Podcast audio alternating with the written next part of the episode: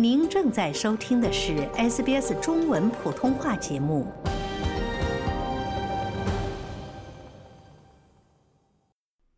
流亡澳大利亚两年多的前香港立法委员许之峰，因未能支付他在2020年逃离香港前参与的诉讼和刑事犯罪的法律费用，而被宣布破产。许之峰被香港律政司向高等法院提出破产申请一案，于本周二开庭受理。大法官于启照随后发出了针对许志峰的破产令。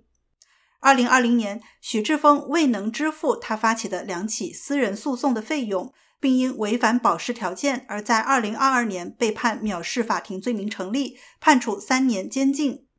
二零二二年，主持该案的高等法院法官下令许志峰以赔偿基础支付香港律政司的诉讼费用。但许志峰在二零二零年底等待与二零一九年反政府抗议有关的指控审判时，以公务外访为由抵达了丹麦，于十二月初宣布暂别香港，正式流亡。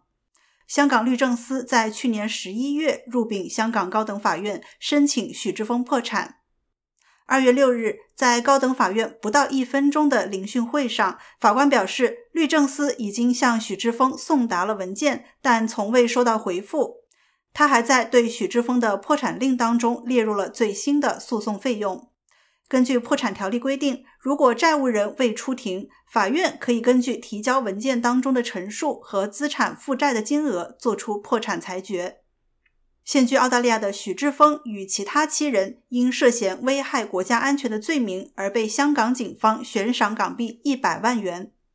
另外，香港警方二月六日再次证实，流亡加拿大的民主活动人士周庭已经被正式列入通缉名单。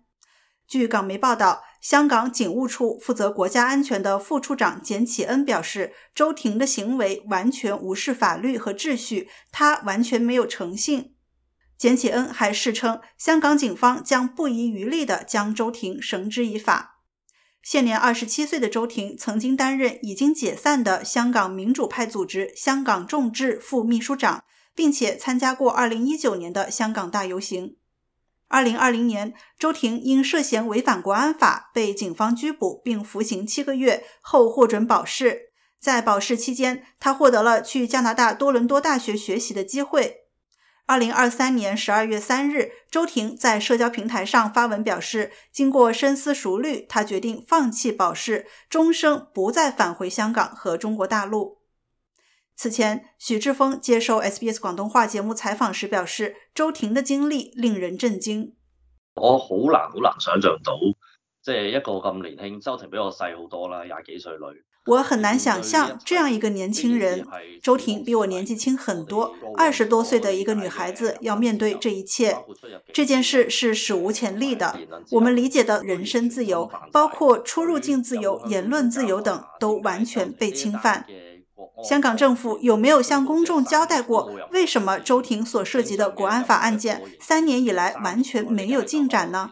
在任何正常的刑事程序当中，要么落案起诉，要么就放人，不可能一个案件调查三年，扣留你的证件三年，不让你离境。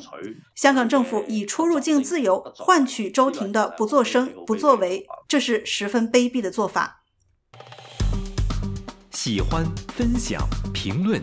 欢迎您在 Facebook 上关注 SBS 普通话页面。